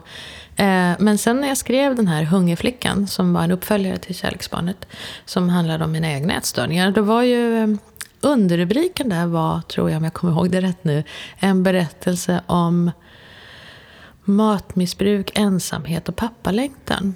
Och det där med pappalängtan tänkte jag att det handlade om mig. Alltså jag längtade efter min pappa. Att det var det som, som mitt längtanshål handlade om när jag började fylla det med mat istället då för den här närvarande pappan. Eh, och jag tror att det här längtanshålet handlar om väldigt olika saker för olika människor. Men det jag märkte då när den kom ut, det var att herregud vad det är många som pratar om, alltså behöver prata om sina pappor. De här frånvarande papporna. Och det är väldigt många företagsledare som både haft det som en drivkraft liksom, att bevisa, men samtidigt många författare, många liksom, skådespelare. Eh, och någon överläkare på en missbruksenhet för kvinnor kom och sa att han måste lyssna på, för jag skulle hålla en föreläsning om just det här med pappalängtan och så. Eh, han måste lyssna för att, alltså herregud vad hans patienter pratade, ville, behövde prata om sina pappor, det tog aldrig slut. För han sa att mammorna är man rätt klar med. Det har man liksom ältat klart. Att ja, ja, hon var lite knäpp och så var det inte mer med det. Men papporna, alltså det tog aldrig slut. Och, då, och i samband med det, det var en rätt intressant läkare där, för att det var just den här missbruksenheten då för just kvinnor, kvinnliga alkoholister. Eh, han sa en annan sak som du kanske är intresserad av, sa han, det är att eh, vi har fått en, in en helt ny grupp missbrukare som vi inte haft förut. Som inte börjar med lite och behöver mer och mer för att få samma kick. Liksom, utan som i princip över en natt blir eh, alltså fullblodsmissbrukare. Och då visste de inte, för det var runt 45-50, alltså ganska gamla. Inget riskbruk alls förut. Och han var så fascinerad över det, för det var ganska många och han, det liksom, plötsligt kom de och han tänkte vi måste ta reda på vad det här handlar om. För att om de inte beter sig som de andra missbrukarna, då måste vi, kanske inte vi kan behandla dem som de vanliga missbrukarna. Och då gjorde de eh, såna här djupanalyser då, och eh, djupintervjuer och liksom alla aspekter i livet. Och det han sa då var att de kom på en sak. En gemensam nämnare. Och då när jag berättar det så är det många som tror att det är just det här med pappalängtan som de kom på. Men nej, det var det inte. Utan alla hade gjort en magsexoperation. Det var ju otippat. Och då, och då tänkte jag alltså, ja men det är så självklart egentligen för man kan ju inte operera bort en sorg eller en längtan. Utan man måste ta reda på vad det egentligen är man behöver för att, för att, att må bra. Vad är det jag egentligen behöver? För att annars byter man ju bara missbruk. Och där har man ju sett många, att det är många som byter missbruk då. När man gör en magsexoperation, där det är, speciellt i Amerika där det här är big business, men även i Sverige så ser man att väldigt många byter missbruk. Eh, och väldigt många byter också till just alkoholism. Ehm, så att det här med att magsexoperationer skulle liksom vara ja, en sån här glädjefylld grej, det är det verkligen inte för alla. Eh, för där har vi väldigt många som är medberoende, som gör sådana magsexoperationer och tror sen att ja, inte ens det här funkade. Att man är så misslyckad. Så vi har, alltså, vi har en självmords... Eh, eh, vad heter det, nivå på det där som är, och tankar på självmord som är helt galen. Det finns läkare på Karolinska som säger att hade det här varit ett piller så hade det inte fått finnas för att bieffekterna är alldeles för dramatiska. Alltså. Vi kan snacka lite grann där också kanske om medberoende när det gäller just de här magsexoperationer, för där har du många också. Eh, ja, det var ju väldigt intressant, för just den det har jag aldrig hört. Men du har ju helt rätt i det där, att det, det är ju på något sätt en själslig sjukdom som sitter djupare än så. Det går ju inte att behandla i bara att ta ifrån eh, det som en personen missbrukar. Nej, för alltså, alla former av missbruk är ju en form av självmedicinering. medicinering. Alltså det är ju så enkelt och så svårt är det. Eh, att det, är, det är ju en slags vad man säger, snuttefilt. eh, och tar man bort det, då måste man ju kunna erbjuda alternativ. Och, så, och det är ju också, vi pratar, när vi pratar, vi pratar om missbrukare så pratar vi om medberoende. Men det är ju ofta så att en medberoende är ju oftast missbrukare själv många gånger. Och den missbrukande är ofta, ofta liksom medberoende. Så, det, så, att de där rollerna går ju ofta ihop. Och då, så det är inte så att det finns en the good guy och en the bad guy. Utan det handlar ju om att, att många av oss har ju båda rollerna. Det finns också mycket tankar kring att det börjar alltid med ett medberoende. Alltså ofta så har vi ett medberoende till våra föräldrar i och med att ja, vi är ju beroende av dem. Och får vi inte vissa det vi behöver då för att eh, må bra så börjar vi på olika sätt mm. förhålla oss för att mm. försöka få det. Och där börjar ett, ett form av medberoende mm. som sen då blir väldigt svårt att, och tungt att bära. Mm. Och därav, precis som du säger, att det krävs att kanaliseras ut till någonting och, och eh, självmedicinera. Och hittar man då inte alternativ, får man då reda på att det är det här man kan göra, man kan stoppa något i munnen, liksom, vare sig det är tabletter eller alkohol eller mat eller vad sjutton det är, eller, eller sexmissbruk då, för att få någon, någon form av närhet. Ja, men, är det det enda beteendet man ser i den kulturen som man lever i, ja men det är klart som sjutton då att man tar till det, eller hur? Men du nämnde BUP och du nämnde att du flyttade hemifrån väldigt tidigt. Hur kom det sig att, att det blev så tidigt? Var det du som ville fly därifrån eller? Ja, alltså jag tänkte ju säkert när jag var 10-11 år redan att jag, jag skulle kunna klara mig bättre själv än med de här två. Um, och eh, pappa och mamma skilde sig när jag var 13 då, äntligen. Och det tyckte jag att det var jag som såg till att de skilde sig. Och då hette det ju att det var pappas fel att mamma drack.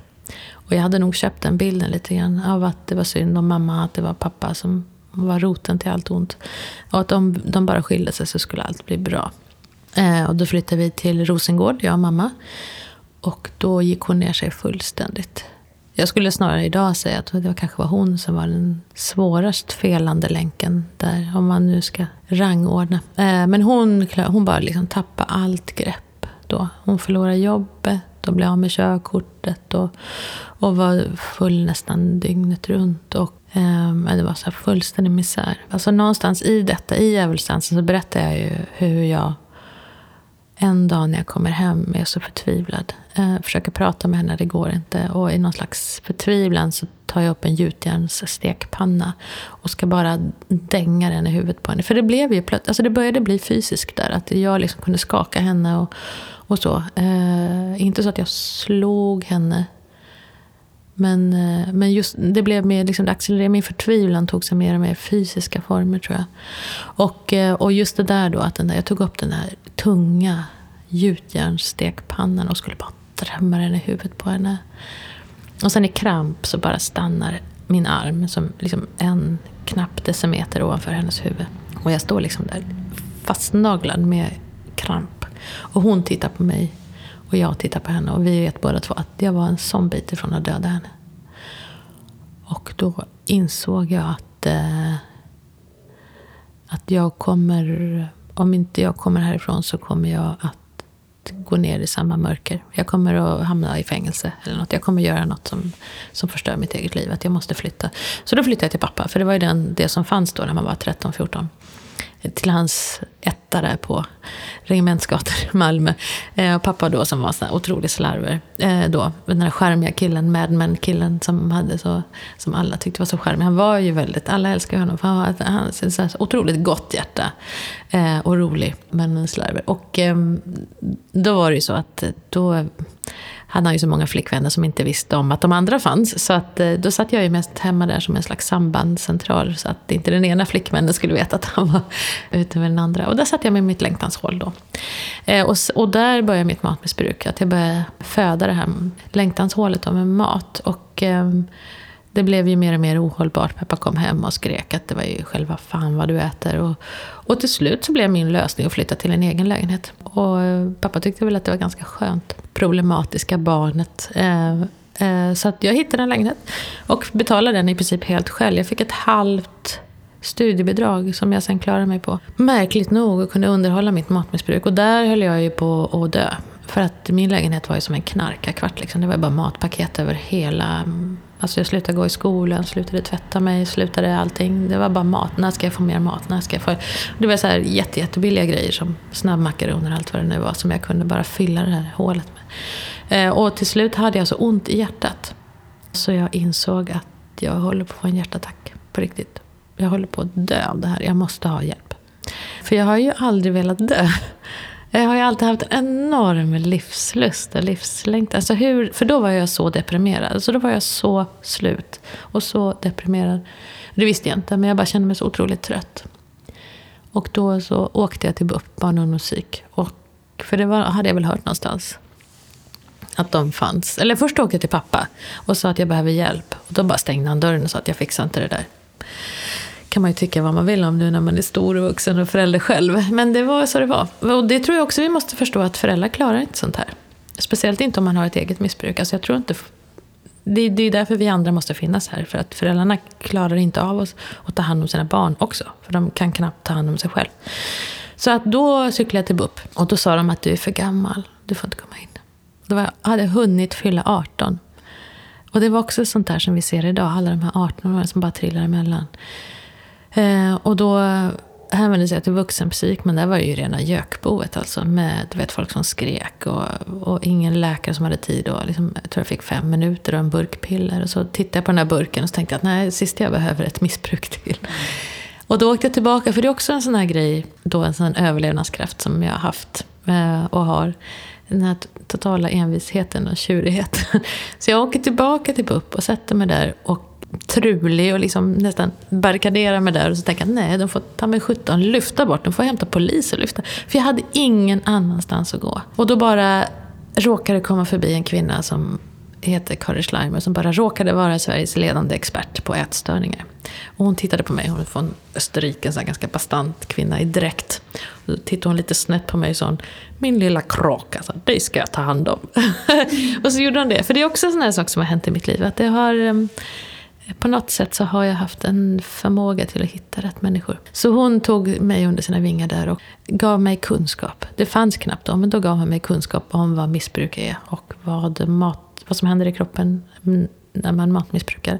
Och hela det här medberoende grejen. Fast det inte fanns ord på det riktigt då, men det fanns läkarböcker och jag fick liksom stava mig igenom det här. Men framförallt gav hon, hon tog in mig där så jag fick sova och tre gånger, mat tre gånger om dagen och så. Och sen kunde jag hjälpa mig själv. Liksom. Så det var så det var. Men eh, i övrigt så kan jag säga att ja, de andra där var väl ingen vidare på att förstå hur unga mår när de är dåligt. De tog ju in mig i något rum där och satte mig och sa att jag var en falsk människa för att jag ljög om att jag gick till skolan. Det gör man inte med barn som mår så dåligt. Så då var jag tvungen att, nej, det här kan jag inte vara kvar. Måste jag så, ut igen. Mm, det där är ju också en sån här eh, fantastisk grej. Jag tänker många av dem som jag har med här eh, har ju på något sätt tagit sig ur, tagit sig framåt och mår bättre.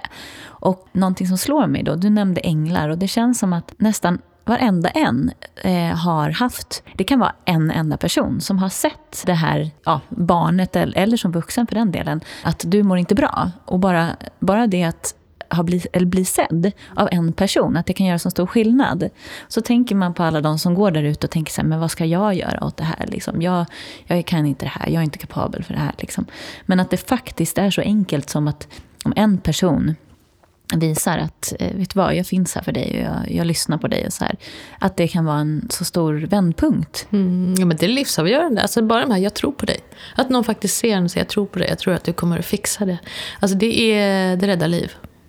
Och vad det sen är för person som är i barnets närhet så är, men det är, jag tror på dig. Jag tror att du kommer fixa det. Jag kan, det, jag kan räkna de människorna på en hands fingrar och de har betytt allt. Eh, och det Kari gjorde också, Kari Schleimer gjorde var att när jag då berättade lite grann om hur jag hade det hemma eh, så blev hon inte äcklad och inte förvånad och inte ens chockad, ingenting. Utan hon sa bara väldigt krasst konstaterande. Jag hade varit mer orolig för dig om du inte hade reagerat så starkt som du har gjort på din uppväxt. Och då plötsligt bara i ett trollslag så normaliserade hon det här som jag tyckte helt sjuka matbeteendet. För jag tänkte att det bara handlade om mig. Att det bara var jag som hade dålig karaktär. Jag gjorde inte alls kopplingen till mina föräldrar. Eller vad jag hade varit med om. Utan jag bara tänkte att nu är det bara en grej till här som jag liksom inte kan hantera. Så att det var jätteskönt att någon faktiskt inte ryggar tillbaka. Att någon, liksom, ja men det där har jag hört så många gånger. Du, ja, du, det du är med om där, det du gör nu.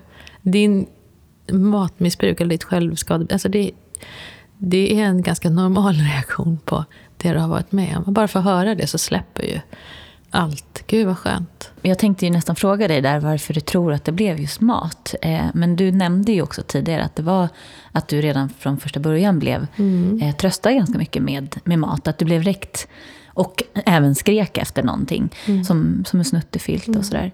Tror du att det också är därför det blev... Ja, så det här är jätteintressant. Det, finns, det skulle man kunna prata om en timme om bara. Det. Men alltså, eh, eh socker och alkohol korsreagerar ju hjärnan. Man kan säga att det är lite samma drog. Så att jag hade ju så enormt stora varningstrianglar kring just alkoholen. Så där, och jag har aldrig tyckt om att liksom förlora kontrollen. Så jag blev ju rätt full där i, på högstadiet. Man hade fester där man liksom Alltså, obegripligt hur vi kunde bli så fulla. Men eh, åtminstone jag. Men ehm, eh, jag tyckte mest det var obehagligt. Men däremot, alltså, ehm, maten gav ju lite grann, vad kan man säga, samma lugn, tror jag. Och eh, som drog. Och, men dess, och då förlorade jag inte heller kontrollen. Och i början så sa jag att jag skadade i alla fall inte någon annan. Men vilket ju naturligtvis är helt fel. För att det är klart att alla blir berörda, det vet vi idag, om någon mår dåligt. Så är det. Var, blev det som en vändning när du väl insåg eh, att, du, att det här var någonting som du led av, att det här inte var hälsosamt? I och med att du sa att du kunde koppla ihop det med din barndom riktigt, och så här, eller hur du hade haft det med dina föräldrar och så.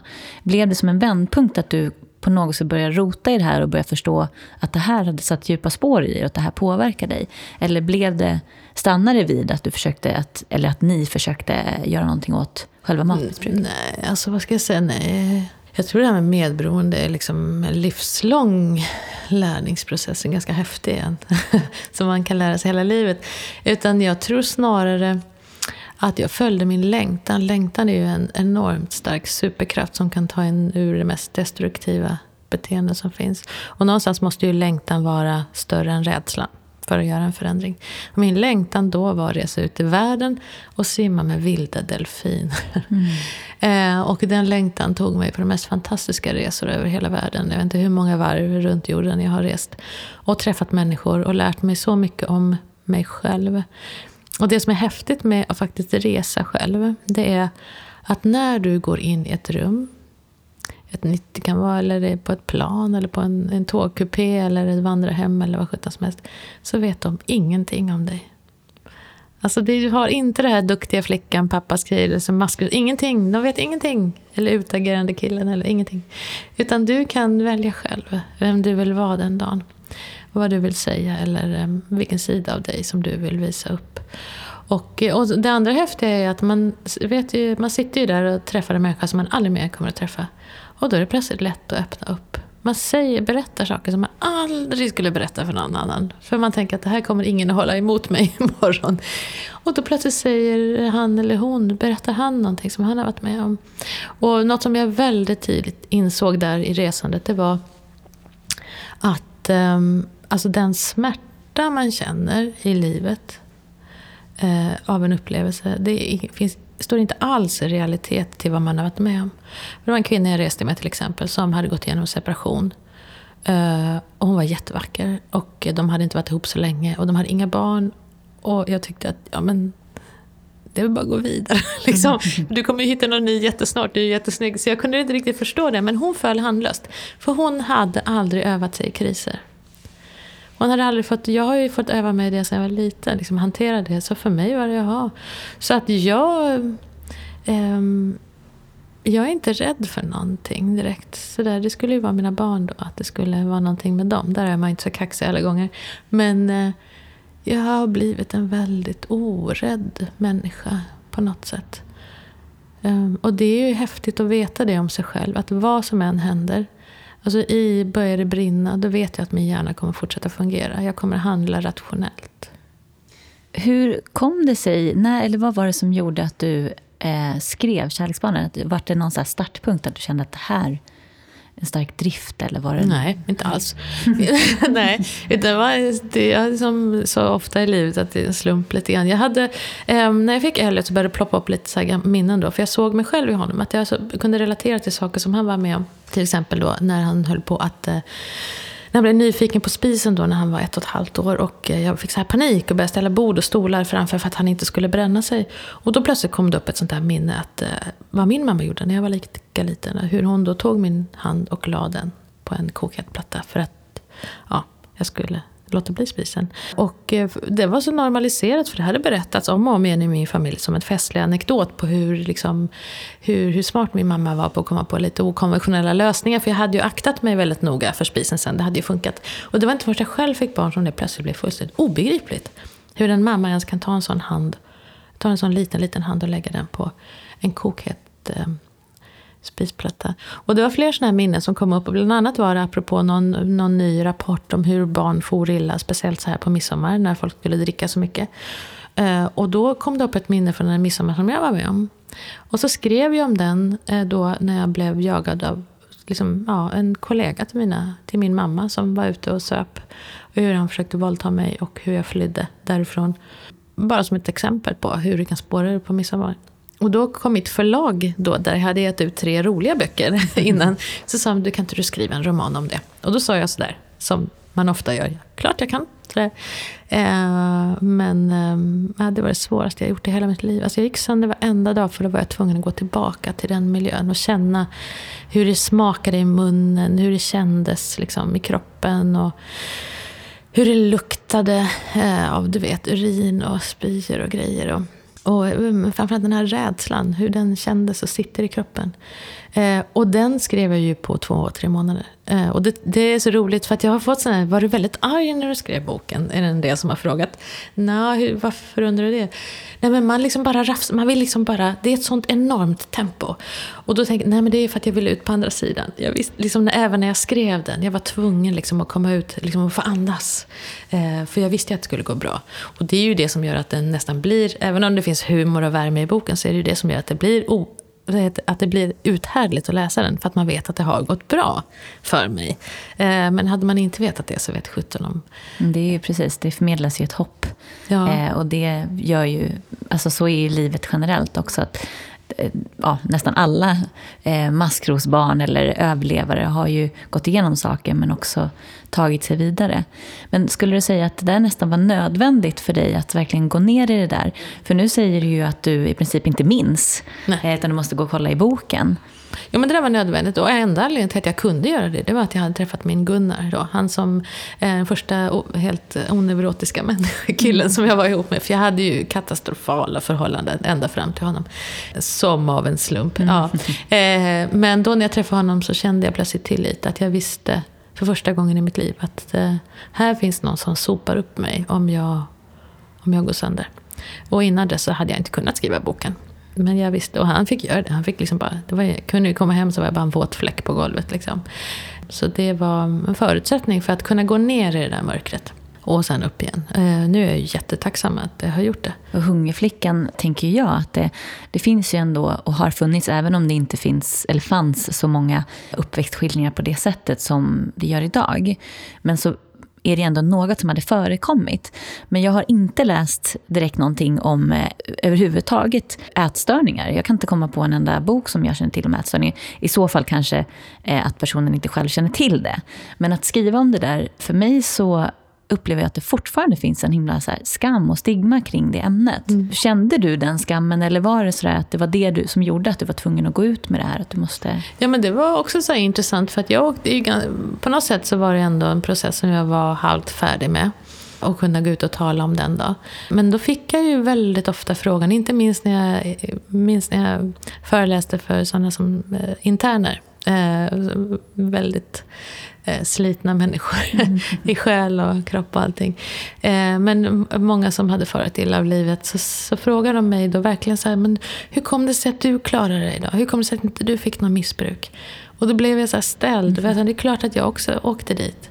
Eh, men för mig blev det maten. För den var inte så laddad. Och så då tänkte jag att det vore falskt av mig att bara att få folk att tro att det bara var mina föräldrar. Att det sen bara liksom hepp tog slut. Att jag var tvungen att skriva den berättelsen också. Och sen tyckte jag att den blev väldigt intressant medan jag skrev. För jag tänkte ju på alla aspekter av hur, hur, alltså hur alltså kvinnokroppen och maten, hur allt vävs ihop med pappalängtan. Och den kvinnobilden som min pappa hade, den var ju helt galen. Alltså hans, hans ideal var ju någonstans mellan Sofia Loren och du vet, Ria Wägner som var. Och det försökte jag leva upp till för jag ville ju vara sån som min pappa jag ville försöka leva upp till min pappas idealkvinna. Den är helt, alltså som feminist idag så tänker man ju herregud alltså. Så det var ju en kamp i sig. Um, det här. Ja, men det, det är fascinerande att skriva om, om det där som... Uh, och, och jag har hela tiden försökt vara väldigt ärlig. Alltså jag tror någonstans att man ska skriva böcker så ärligt så att man nästan inte vågar ge ut dem. För då blir de bra. Exakt, skriva där det bränns. Liksom. Mm. Hur är din relation till mat idag? Ja, alltså jag har ju, älskar ju mat. Det är ju så gott. Men jag har ett väldigt komplicerat förhållande till socker. Det får jag säga. Jag är nog vad vi skulle säga sockermissbrukare där. Alltså, Eh, kan gå igång som 17 och mår så fruktansvärt dåligt av det. Alltså jag blir i princip bakfull om jag äter socker och får ont i hela kroppen och, och deprimerad nästan. Men allt är sådär. Så att jag ska helst undvika socker. Men tycker ju att det är så. Ibland så blir det precis som, när, som en nykter alkoholist och tänker att ja, men nu kan jag nog äta socker. Och då får jag sådana här perioder, speciellt så här runt jul och så, så. Och sen kan jag tycka att ja, ja men det är okej. Liksom. Men däremot så har vi i min familj, eftersom jag har min pojke där som är som är, så han kom till mig en dag och sa att när, när du var liten var du en hungerflicka mamma, jag är en hungerpojke. Och då plötsligt trillade en ny polett ner i min skalle. Där jag då insåg att, eh, att han blir inte mätt. Och han har ändå haft liksom fantastiskt bra och tryggt och massor av kramar och så. Så, att, så det handlar ju också om att vi har en defekt i hjärnan, har jag fått reda på då. Det är ju bra när man är journalist, för då kan man ringa vem som helst och fråga vad som helst. Så då har jag fått lära mig det, att vissa barn föds med, med en defekt här uppe i skallen. Som gör att man inte känner hunger på samma sätt. Apropå äh, vad heter det, överviktiga barn kan vara väldigt intressant att veta. Att... Um, Eh, och då hjälper bland annat träning då, då, eh, att man får balans i hjärnan och att man tar bort så mycket socker som möjligt. För att annars blir det där igen att det triggar igång, triggar igång, triggar igång. Ehm, så att, ehm, och jag tycker det är forskning nu som visar hur mycket hur mycket av vår själ, höll jag på att säga, som sitter i tarmarna faktiskt. Jag läser den här skärmen med tarmen och tänker, ja gud vad allting hänger ihop med det som jag känner igen. Eh, det här med att allt mitt satt i magen. Ja, känslorna sitter där, allting sitter där och även nästan hjärnan sitter ju nästan i magen. Och då är det ju nästan inte så konstigt att det är själva matsmältningssystemet med allt vad det innebär som gör att um, alltså vi bedövar oss med mat, vi, liksom, vi firar med mat. Vi, uh, men just det där att det faktiskt händer viktiga, alltså nästan neurologiska grejer när vi äter mat och hur um, jag då som var uppvuxen på mackor, som dessutom fick med smör och socker på. Liksom, det var det som kunde finnas. Eh, alltså fatta vad det gjorde med mig som redan mådde kast. Ehm, så där... Ehm, men det här är intressant. Jag säger hela tiden, det här är bra research. Mm. bra research. Och även immunsystemet eh, sitter ja, mycket i magen också. Ja. Så det är klart att... Mm. Jag menar, har du ett svagt immunsystem så är det klart att det är ännu lättare att bli påfrestad av saker och, och börja må sämre. Men när jag tänker på dig, min bild i huvudet av dig är liksom att du är så här superglatt eh, energiknippe som kommer farande. Är, det, är du alltid så eller hur, eh, hur förhåller du dig till det? Ja, alltså, man ska nog säga att det är nog min, min grund eh, grundsyn på livet Sen kan det väl också vara, jag tänkte på det när vi gjorde den här djävulsdansen. För att ehm, alltså jag har ju haft så mycket ångest också som kanske inte har synts då eftersom jag kommer upp från, alltså jag kommer ner från ett jätte, liksom, jag är en ganska glad människa, glad skit ungefär som min pappa. Ser väldigt ljust på livet egentligen. Men då när man då blir svårt deprimerad så kanske man ser ut som normala människor gör, så de märks inte så mycket. Men, men, äh, men det som gör att jag känner mig så speciellt lycklig just nu i den här tiden som jag lever, det är ju för att jag har ju, har ju ingen ångest liksom. Och ingen skam direkt. Och då är det som att om man, alltså när man har ångest så är det som att man bär omkring. Alltså det, är som att, det är som att man har ständig värk i kroppen. Alla människor som har haft värk någonstans, vare sig det är ständig migrän eller ständig värk i ryggen eller kroppen eller något. Alltså det bryter ner en som människa. Alltså det bryter ner dig som människa. Och om man sen slipper den Alltså, det är som att ta av sig världens tyngsta ryggsäck. Plötsligt känns det som att du flyger fram. Jag får så här rysningar på ryggen. Och, tänka. och då är det inte... Jag hänger inte upp mig på små grejer. Alltså, om saker inte blir precis som, om, som det behövde vara så är det inte hela världen i det stora hela. Um, utan det finns vissa saker som är viktigare än andra. Och, och eh, någonstans så tror jag att det är Eh, jag, kan bli, jag har väldigt lätt att komma upp i stressnivåer. Eh, alltså, där är också en del av det här med att jag, om jag läser om barn som far illa i tidningen till exempel, alltså, så bara åker stressnivåerna rakt upp i taket. Eh, och det har jag ju haft problem med då. Alltså, hur, hur kommer man ner där från den, den liksom stressnivån? Och där hittade jag ju träningen för fem år sedan. Och plötsligt så bara kände jag, gud vad skönt. Varför har jag inte hittat det här förut? Ja, för jag har tänkt att jag var en klumpeduns. Liksom. Men med tanke på att jag har haft, varit övervikt och sådär. Så har det liksom varit, nej men jag är inte sån som tränar. Men plötsligt, gud vad jag har fått balans i hjärnan. Alltså, älskar att röra på mig. Men, och nu är ju du en sån här superinspirationskälla till många som eh, kanske båda haft där eh, lite svåra förhållanden till träning och så. Och du testar en massa olika träningsformer och så. Är det någonting du har fastnat, fastnat extra mycket för? Ja, alltså jag, lite allt möjligt säga. Men militärträning var ju det som fick mig att faktiskt våga tro på mig själv. För den gjorde grejer med min hjärna också som jag plötsligt insåg hur man kan tänka. Den tränar upp hjärnan samtidigt som den bygger en stark kropp. Och det jag märkte var ju att en stark kropp håller ihop en vinglig själ. Hur man bara genom att kanske ge sig ut och springa en gång känner plötsligt, åh oh, vad mycket starkare jag blev nu. Jag kunna klara av resten av livet. Men det jag också hela tiden tycker är så viktigt är att man hit, förstår då när man då försöker ge råd till människor. För jag tycker visst, det är klart att jag vill ha alla människor på fötterna, att vi får rotation på eländet så vi inte blir så deprimerade och mår så dåligt och slipper en massa ångest och så. För det är, funkar ju. Det, här, det är ju verkligen medicin för hela kroppen och hjärnan och magen och allt. Men alltså, vi måste också tillåta oss att, att uh, ha marginaler. Alltså, uh, dagar när man inte orkar någonting. Alltså när man bara får ligga och titta på sina brittiska deckarserier mm. eller läsa böcker. Alltså vi måste hela tiden, för vi kan inte, hur mycket vi än skulle vilja, prestera hela tiden. Utan vi måste ha, lägga in vilopauser. Speciellt för oss som är medberoende eller extra känsliga eller, eller de här blyga, allt det som vi är oftast. De har ärvt den här känsligheten. Vi behöver vilan så otroligt mycket. Alltså den är så viktig. För annars kommer vi också ta till sån här artificiell eh, vila i form av mat, alkohol eller droger.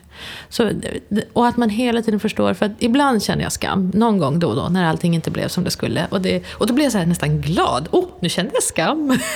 varför gjorde jag det då, tänkte jag. För det är ju nyckeln till att förstå varför vi människor gör som vi gör. Varför blev det inte som vi hade tänkt nu då? Med de bästa intentionerna, fast vi är så kloka och så, och gamla och allt vad det nu är. Varför gjorde jag ändå inte som jag borde ha gjort? Som det här kanske då, om jag liksom drar i mig en påse godis eller något. Och då är det så bra att fatta, liksom, vad är det som, var skämdes jag där nu? Vad var det som hände där?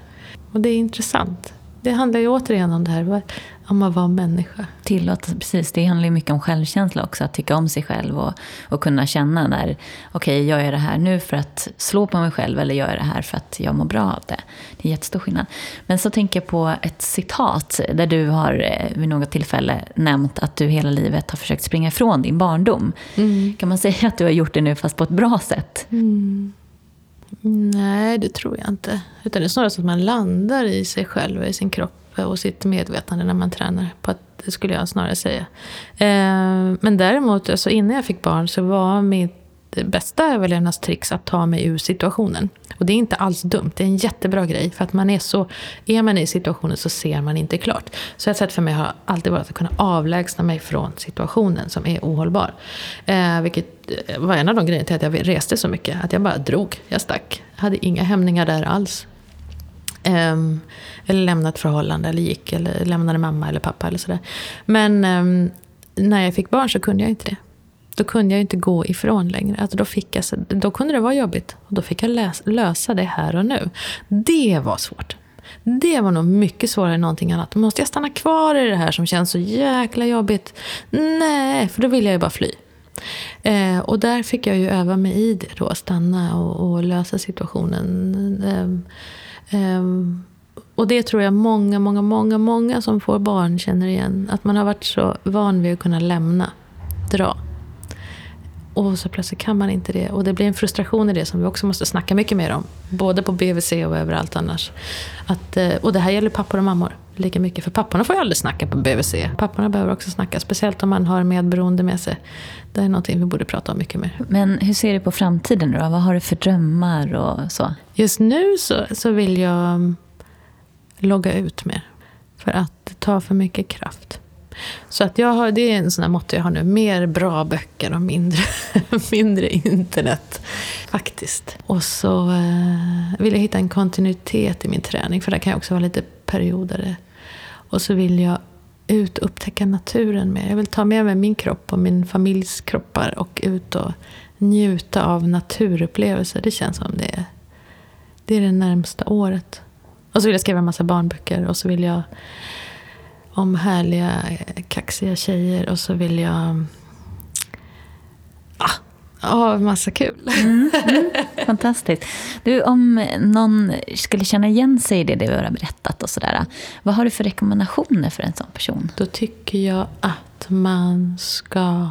Man får gärna kontakta mig såklart. Mm. Det får man jättegärna göra. Mm. Och så kan jag kanske tipsa vidare. Men jag tänker att man kan läsa böcker. Man kan ta kontakt. Man kan gå in på en, ett ställe som jag tycker är jättebra. Som heter drugsmart.com drugsmart.com. Och där, där finns jättemycket så här frågor och svar, men också här får man hjälp. Och där finns det finns här stödgrupper i alla kommuner. Alla, alla, alla har olika stödgrupper. Och på de här stödgrupperna så finns det världens bästa människor som kan det här, som inte är ett dugg rädda för att snacka om det här. Och det kan man göra som vuxen, och man kan göra som barn. Och många har faktiskt stödgrupper även för vuxna medberoende.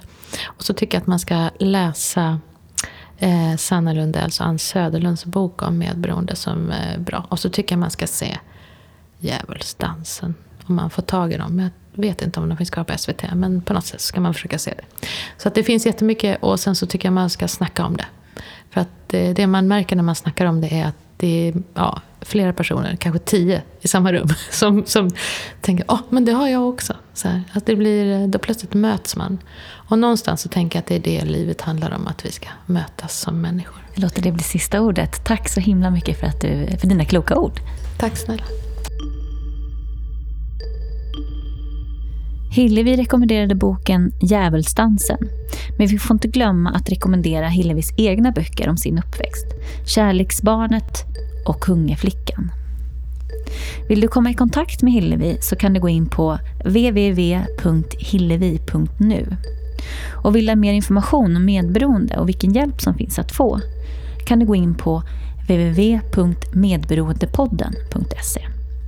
Och följ oss gärna på Facebook och Instagram där vi heter Medberoendepodden. Vi hörs om en vecka.